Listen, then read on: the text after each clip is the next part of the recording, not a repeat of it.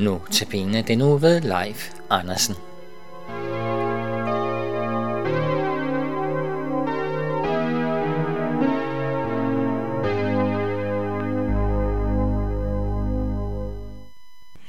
Vi siger velkommen til Københavns Nærradio til et notabene-portræt. Og denne uges gæst, det er Leif Andersen, som jo er kendt i missionske kredse, kan man roligt sige, uden at overdrive. Jeg kunne godt tænke mig at spørge dig først, Leif Andersen. Du har en fortid i KFS. Kunne du fortælle lige lidt om den? Ja, det er rigtigt, at jeg både har rødder i Indemission og i øh, KFS. Øh, KFS var en, en, øh, en meget afgørende tid for mig, fordi der oplevede jeg, at jeg kunne tage nogle af de øh, spørgsmål med og kæmpe med dem, som jeg kunne opleve lidt dømt ude og dømt forbudte i intermission. Øh, så mine to rødder der, de, øh, de, har, de har fundet godt sammen. Og så sidenhen blev jeg også ansat i KFS som, som øh, først rejsesekretær og sidenhen som generalsekretær. Ja, og en ting, som jeg i hvert fald også forbinder dig med, det er Indre Missions Bibelskole. Ja, øh, jeg var ansat sammen med min hustru Eleonora Skov Andersen øh, som øh, lærer på Indremissions Bibelskole i Børkop, øh, hvor vi arbejdede i 13 år med en fantastisk flok øh, unge mennesker og meget spændende kolleger. Øh, og det har også virkelig været en dannelsestid for mig selv. Øh, både øh, det her pingpong, der var i, øh, i debatten med, med eleverne, øh, og, og, og det, at de hele tiden tvang ind tilbage til, øh, ja, til tegnebrættet, så at sige, øh, at øh, det der, det holder ikke, og det må du øh, komme med et bedre bud på. Øh, det har virkelig også været afgørende for mig selv. Og så forbinder jeg dig ikke mindst med menighedsfakultetet. Ja. Øh, jeg var med på det første hold studerende i 1972, der begyndte øh, at modtage en lille smule undervisning på det daværende menighedsfakultet, en villa i Bartsgade i Aarhus. Og øh, øh, der oplevede jeg også, ja, måske lige så meget i kaffestuen, øh, at øh, alt blev vendt og drejet og skudt på, og øh, man dannede sig øh, nogle, nogle holdninger og nogle meninger, øh, som, som man også skulle vente sig til at og, og skulle stå på mål for. Øhm, sidenhen blev jeg jo så øh, ansat som lærer efter tiden i KFS, blev jeg halvtids øh, ansat som lærer i, øh, i praktisk teologi på menighedsfakultetet. Og der har jeg så været nu i 14 år. Hvad ligger der i det praktisk teologi? Jamen, øh, jeg plejer at drille mine kolleger med, at jeg er den eneste, der ikke underviser i upraktisk teologi. øh, men øh, det, er, det handler om øh, at få øh, den teologi, vi arbejder med, ud over kanten i formidling. Det handler om sjælesorg, øh, det handler om prædikenlærer, og det øh, handler om samtidsanalyse. Det er mine tre hovedfag. Ja, og... Øh så er du også halvtidsansat i Indre Mission. Ja, og det er, det er mit store privilegium, at øh, selvom jeg altid har advaret andre mod at have to halvtidsstillinger, så har øh, jeg selv haft det nu i 14 år, øh, hvor jeg med den ene hånd på menighedsfakultetet, nu som lektor, skal undervise i prædikenlærer og sjælesorg, øh, og med den anden hånd selv skal praktisere det i min øh, tjeneste indemission som rejsepræst. Øh, og det der, øh, ja, den der synergi, som man kalder det nu om stunder, mellem de der to, øh, to ansættelser, har, har været guld værd. Man øh, når aldrig dertil, at man øh, i undervisningen i undervisningen synes, at jamen, det der, det kan jeg bare, fordi man selv er ude og konfronteres med sin egen kommet til kort og sine egne udfordringer.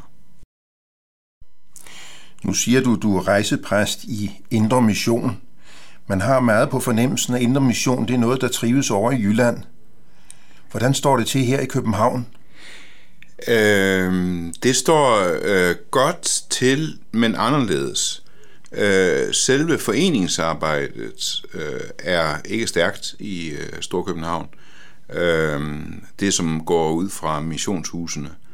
Øh, det har mere øh, fundet øh, nedslag i øh, menighedsarbejderne, i nogle profilmenigheder, i nogle valgmenigheder, øh, og, øh, og det skal man lige vente sig til, øh, at øh, de store missionshuse med de store øh, forsamlinger, øh, og også de store nybyggerier, jamen dem skal man faktisk til Jylland for at finde.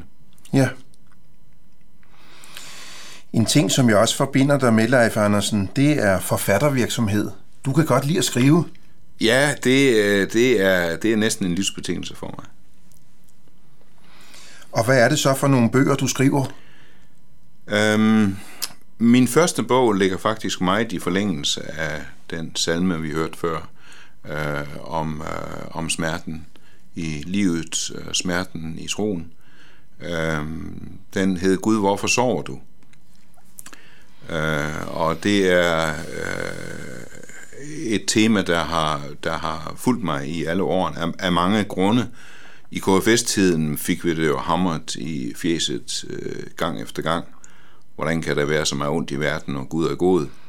Øh, I øh, øh, undervisningen på, på Børkop Højskole øh, kom det også igen og igen, men, men anderledes, der var det den, altså fortvivlelsen og desperationen og frustrationen over, at Gud ikke hører bøn.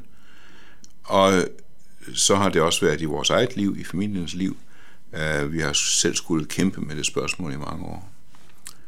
Øh, senere hen blev det til et, et par småbøger, og så en, en bog, der hedder Ateistisk Andagsbog.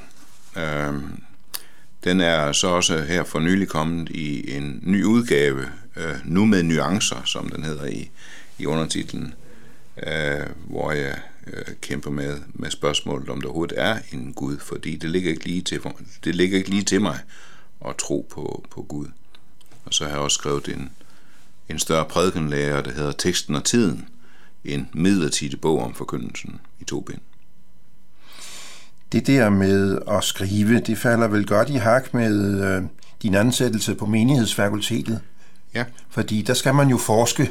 Man skal forske, og man skal øh, producere, øh, publish or perish, øh, siges det nogle stunder, udgive eller gå til grunde. Ja, ja. Øh, det, er, det er vilkårene. Øh, der er jo så min vilkår lidt anderledes, netop fordi jeg underviser øh, i praktisk teologi, og derfor forventes det af mig, at jeg ikke bare producerer øh, forskningsskribblerier, men også øh, noget, der formidler øh, det kristne budskab.